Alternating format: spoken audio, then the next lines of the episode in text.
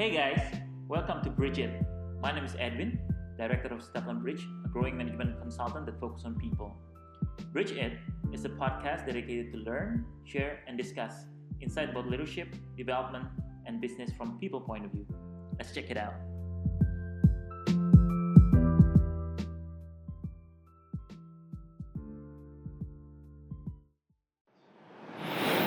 In this episode, we're going to talk about curriculum vitae, an important thing for recruiting employees. Hai Hai, Aduh, aduh, aduh. Gimana kabar kalian hari ini? Baik. Kedinginan. Aduh gila dingin banget ya hari ini parah-parah. Ini gue syutingnya sambil pakai jaket guys. Gue Karena juga pakai sedingin selimut ini. Gue pakai selimut guys. Gue pakai lemak alami aja. Wow, baiklah. Oke guys, Bridgers, thank you banget untuk hari ini. Em, mungkin sebelum kita mulai, gue pengen kasih tau dulu nih, kalau untuk hari ini tuh eh, gue bakal rekaman bareng sama Feby, Wira, sama Muti. Yeay. Kira-kira si Evin ke mana ya? Kok nggak ada sih? Iya, Evin di mana ya? Biasanya Evin tuh yang paling Evin yang paling Iya, heboh iya, gitu. mana Evin ya? Mana ya? ada satu hal yang lain hal ya. Intinya, Evin. Miss you already. Di mana pun Evin berada, sehat selalu. Wow, enggak guys, enggak guys. Evinnya lagi ada event di luar kota. Jadi Yeay. sama kita dulu ya. Oke guys. Nah, Bridgers untuk hari ini eh, spesial banget karena hari ini kita bakal bahas berkaitan dengan eh, pentingnya dari CV dengan judul Curriculum Vitae, an important thing for recruiting employees. Nah, Wah. seperti yang gue jelasin tadi nih, ada yang udah nebak belum kira-kira arahnya mau dibawa ke mana podcast hari ini? Nah. Harus disensor nih kayaknya. Kagak ada Copyright, copyright. Maaf, Kagak ada ibu-ibu ya, ininya. copyright. Apa tuh? Nah jadi simpelnya adalah eh lu tau gak sih beberapa minggu minggu yang lalu sempet nih viral di Twitter salah satu tweet dari anaknya presiden. Wow, siapa tuh yang mana tuh? Anak presiden yang mana? Depannya K, belakangnya G. Oke. Oh, namanya S. Iya, Eh, tidak usah, S. tidak usah. Oh. Tidak Oh, salah ya? Sudah Iya, cukup. iya, Nah, jadi intinya waktu itu dia mengkritisi mengkritik sebenarnya eh, email yang masuk ke dalam eh, inbox dia di mana waktu itu dia buka sejenis kayak mungkin open recruitment untuk eh, karyawan lah ya. Hmm. Tapi si orang yang disorot ini adalah dia nggak mencantumkan body email, nggak mencantumkan cover letter yang menunjukkan interest dia ke eh, Pekerjaan. interest tersebut. Even subject? Even subject selalu kosong juga. No Wow, subject. no subject selalu. Wow. Oke. Jadi kayak literally cuman CV tok udah gitu. Hmm. Nah, Oke. dan itu sempat viral kemarin di, Twitter- di Twitter. Ada yang pro maupun yang kontra dengan hal ini. Hmm. Gitu. Sebenarnya gue pengen tahu sih kayak menurut pendapat kalian nih Hmm. sebagai seorang pakar. Oh, pakar. Wow. Oh. Jangan, jangan, Oh, pakar. lama. Jangan. Oh, Eh, kayak udah doktorat gitu. Wah. Iya, takut, punten takut. pisan. Menurut kalian gimana sih seberapa penting sih CV yang misalkan kita kan sekarang udah banyak kan email lah ya. Hmm. Seberapa penting sih eh, CV itu bagi seorang recruiter? CV dan lamaran mungkin Iya, kali ya, iya. gitu Iya, ya sebagai rekruter. Oke. Siapa nih yang mau mulai? Aku ya. Oke. Jadi kalau menurutku ya of course yang namanya CV dan surat lamaran itu dalam bentuk apa pun ya dari zaman dulu pun kalau misalnya orang ngirim lamaran masih pakai surat, masih pakai tulis tangan gitu ya. Sampai sekarang udah model-model CV digital, udah apa kayak uh, kreatif CV, Tara Lili. Itu I think itu penting banget sih karena apa? The basic point of CV itu adalah lo gimana ya? mempromosikan diri lo kepada uh, rekruter di perusahaan-perusahaan yang lo tuju kayak gitu. Jadi apa namanya untuk seorang rekruter CV lo itu CV dan lamaran lo itu adalah uh, their first impression of you gitu.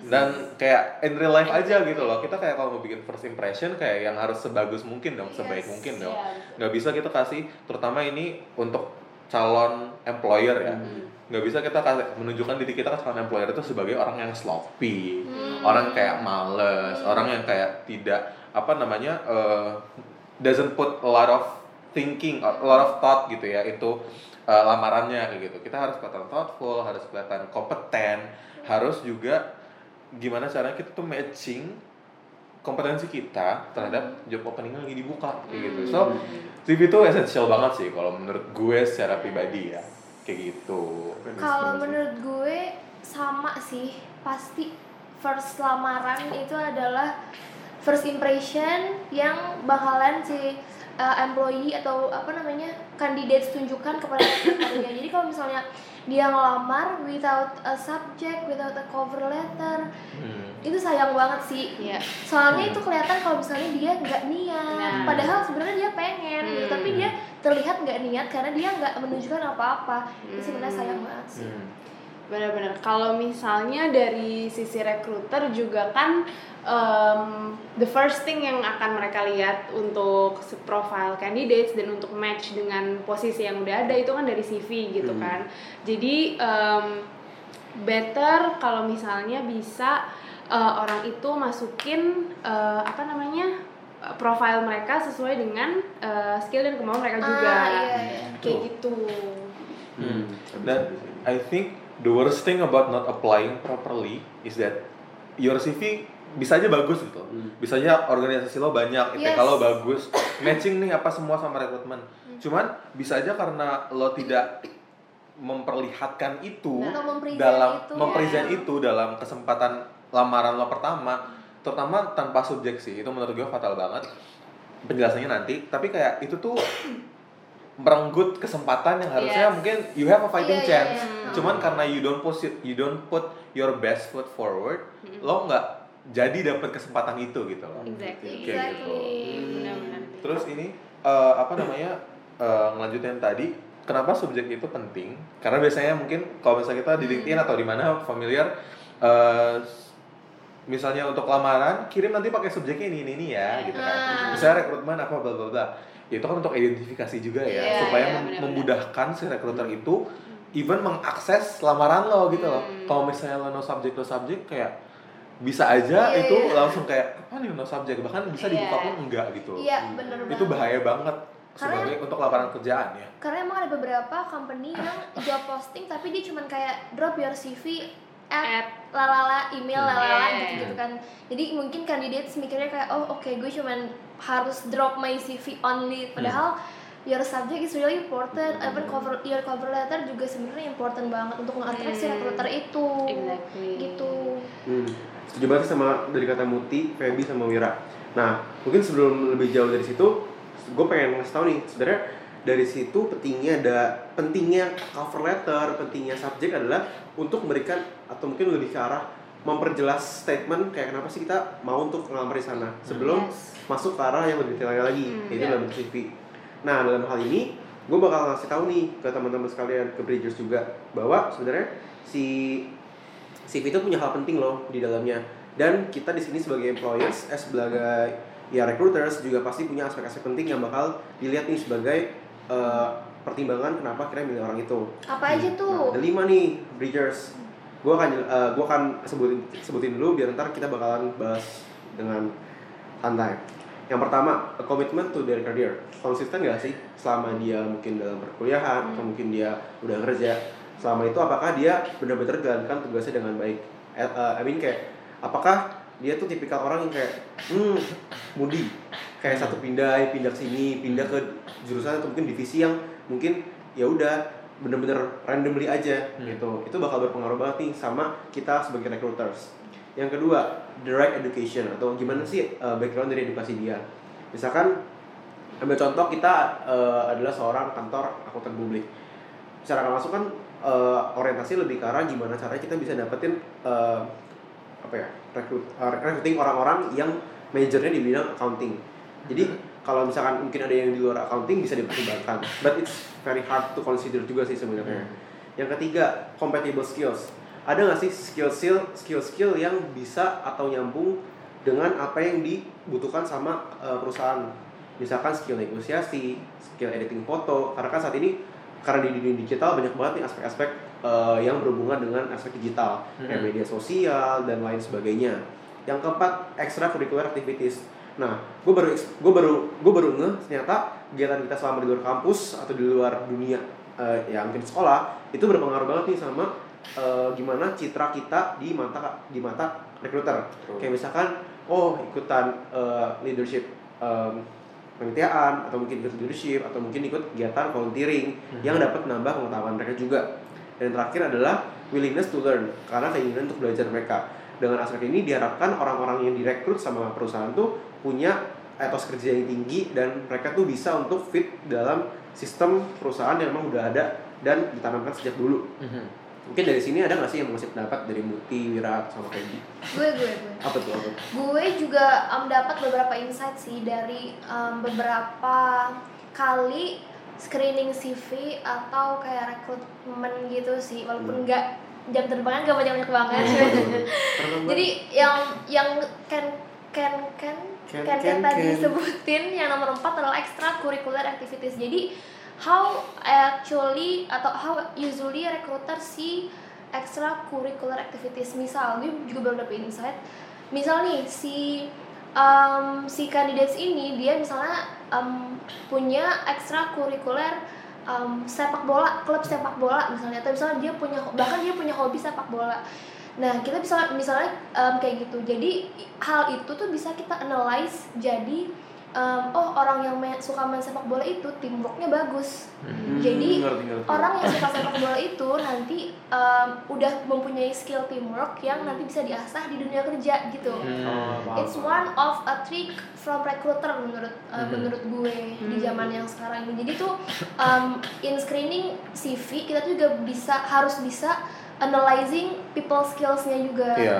Jadi kayak bukan cuma ngeliat apa aja nih yang dia tampilin di CV tapi coba coba kita juga juga bisa analyze dengan yang dia tampilin ini dia udah dapat apa aja nih yang dia Hmm. punya sekarang apa aja nih gitu. Hmm. Oke, oke, oke.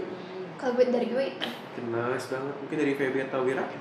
Setuju banget sih sama kata Muti karena kan rata-rata di CV itu memang yang dicantumkan adalah seperti pendidikan formal, terus Hmm. training. Kalau itu Hmm. kan obvious banget ya dia Iya. dapet A B C D gitu. Kayak Hmm. ekstrakurikuler itu nunjukin kayak extension of someone gitu loh menurut Hmm. gue. True. Uh, jadi emang ekstrakurikuler itu karena kan rata-rata orang ikut ekstrakurikuler itu adalah kayak ngikutin passion atau hal yang bener-bener dia senengin selain sekolah atau Mhm. selain apa yang dia pelajari gitu kan dan dari situ kita nunjukin oh kalau dia bener kata Muti misalnya dia olahraga misalnya dia berarti orangnya sportif dan dia punya teamwork yang bagus Hmm. kalau misalnya dia volunteer oh berarti dia uh, apa namanya uh, tertarik nih sama misalnya the issue of humanity nah Mhm. bisa aja itu jadi attraction point nih buat company yang misalnya dia emang punya uh, apa namanya punya value yang lebih terhadap humanity kayak Hmm. gitu-gitu Hmm. gitu sih bener kata Muti Hmm, kalau gue sih gue setuju banget sama kata Feby dan Mutia. Cuman mungkin ada satu aspek lain yang pengen gue highlight ya. Eh, apa namanya dari hal-hal yang udah Ken bilang tadi. Yang pertama ya, yang yaitu yang soal kompetensi and skills. Kayak gitu. Kan jadi eh, apa namanya kalau misalnya di CV itu kita kan pasti listing kan kompetensi-kompetensi kita apa aja, Yes. kemampuan-kemampuan seperti Yes. apa. Beside from apa namanya eh, bidang akademis atau misalnya background pendidikan gitu ya. Nah, kalau menurut gue antara skill dan kompetensi yang lo punya dan lo cantumin di CV sama eh, akademis, GPA dan juga eh, pengalaman organisasi dan ekstrakurikuler itu sama pentingnya karena apa? A- ada nih beberapa lowongan yang mungkin mereka tidak menspesify background pendidikan, Hmm. tapi they look for kompetensi Hmm. kayak gitu jadi lo juga harus pinter-pinter tuh di dalam CV untuk apa namanya recruiters kita juga harus pinter-pinter gimana caranya kita bisa matchingin skills yang tertulis dengan skills yang implisit yang terimply Yeah. kayak tadi Muti bilang sama Vivi bilang sama eh, apa namanya actually what we need in the company kayak Yes. gitu this is especially true for example eh, kalau misalnya dia itu eh, apa namanya mau mengapply ke pekerjaan-pekerjaan yang mungkin tidak 100% apa namanya eh be- deng- 100% fit dengan background pendidikan dia. Contohnya gue. Gue adalah eh, sarjana hubungan internasional. Tapi sekarang Baik. kerjanya manajemen consultant Eh. gitu kan. Jadi maksudnya di saat gue apply secara sadar gue harus kayak oke manajemen consulting mungkin kayak misalnya eh, background pendidikan gue ini dengan HI ini mungkin tidak bukan tidak banyak cuman maksudnya tidak expected gitu loh. Jadi gue harus gimana caranya other aspects of my CV has to be strong. Dan ini juga apa namanya where cover letter can be very helpful. Hmm. karena apa dengan cover letter tuh, tuh lo bisa lebih leluasa dan lebih apa namanya dalam lagi menjelaskan kenapa sih lo tertarik mengapply ke posisi-posisi ini. Nah, Itu. exactly. Benar. Gue mau nambahin juga nih soal cover letter. Kenapa cover letter eh, penting? Itu somehow bisa sebagai pelekat atau explanation dari CV lo. Misalnya dari CV lo benar nih, kayak Wira bilang, pendidikannya HI, tapi kok pengalamannya banyak di consulting atau misalnya di bidang HR specifically gitu. How does this happen? Nah, di cover letter tuh kita bisa ngejelasin kan, iya, I'm inter- eh, saya belajar HI, but I have a huge interest in human, bla bla bla. Nah, itu kan it it explains also to the recruiter oh that's why jadi orang ini tuh ke HR bukan karena kecemplung kayak misalnya kayak gitu Atau Gitu. bukan kayak sembarang sebar Iya, gitu. mau sembar Bahwa aja emang gitu. niat nih anak ini nih Ya, emang emang- sebenarnya industrinya pengen di sini. yes betul Kayak gitu. Oh, gue juga baru ingat dari site-nya um, from recruiter point of view juga background education itu bisa dilihat dari um, hal lain nih. Hmm. Misalnya kayak implicitly. Yeah. Misalnya gue juga pernah dengar kalau misalnya misalnya nih anak teknik Hmm. biasanya itu anak teknik itu orangnya terstruktur, Iya, iya. orangnya kayak uh, apa ya pokoknya terstruktur. Heeh. Misalnya beda lagi misalnya anak-anak misalnya jurusan komunikasi. Nah, Heeh. anak komunikasi cenderung mempunyai public speaking yang bagus gitu. Ah. Jadi selain kita ngelihat oke background education-nya ini dia pernah belajar Hmm. ini, kita juga lihat harus biasanya karakteristik dari anak, Anak-anak. yang jurusan itu tuh gimana iya iya gitu. iya setuju setuju Gitu. Nah, gila nih gila. Ya ya, ya. Ken, gila-gila apa kedinginan Ken? Iya. Aduh, gila, parah parah. Udah dingin kayak gue banyak banget dapat insight dari Iya. kalian berkaitan dengan CV ini. Karena jujur menurut gue CV itu merupakan hal yang penting. Tapi Hmm. lebih penting lagi ketika kita daftar di satu perusahaan atau atau mungkin institusi, Hmm. kita juga perlu untuk uh, masukin juga cover letter seperti yang tadi Hmm. uh, Feby bilang. Karena dengan cover letter ini kita bakalan ngasih tahu nih penjelasan reason kenapa sih tiba tiba-tiba tuh gue ada di sini Hmm. dan bukan kayak Wira bilang tadi, bukan kayak asal kecemplung. yes Tuh. Dan menurut gua belajar dari kesalahan yang kemarin sempat viral beberapa waktu yang lalu Hmm. penting banget nih buat kita untuk mempersiapkan diri kita untuk masuk dunia kerja which is ketika kita mau ngelamar satu persiapin CV persiapin juga em, kayak cover letter the reason kenapa lu pengen daftar di sana dan yang Hmm. paling penting persiapin juga jangan lupa untuk masukin subjek email ya kalau Hmm. kan nggak enak tuh tiba-tiba eh, muncul nih satu teng No kosong kan no subject. subjek ini Eh, apa gitu kan tiba-tiba gitu sih kalau dari kita Hmm. Kalau iya Kalau aku mungkin one last point ya. Tapi apa namanya uh, on the other side of the coin dari tadi apa yang Ken Ken bilang, buat recruiters nih ya terutama uh, kita juga harus pinter-pinter analyzing apa namanya the CV and then the cover letter yang masuk gitu loh. Hmm. Karena terkadang ada nih yang di surface tuh eh apa namanya kayak bagus gitu.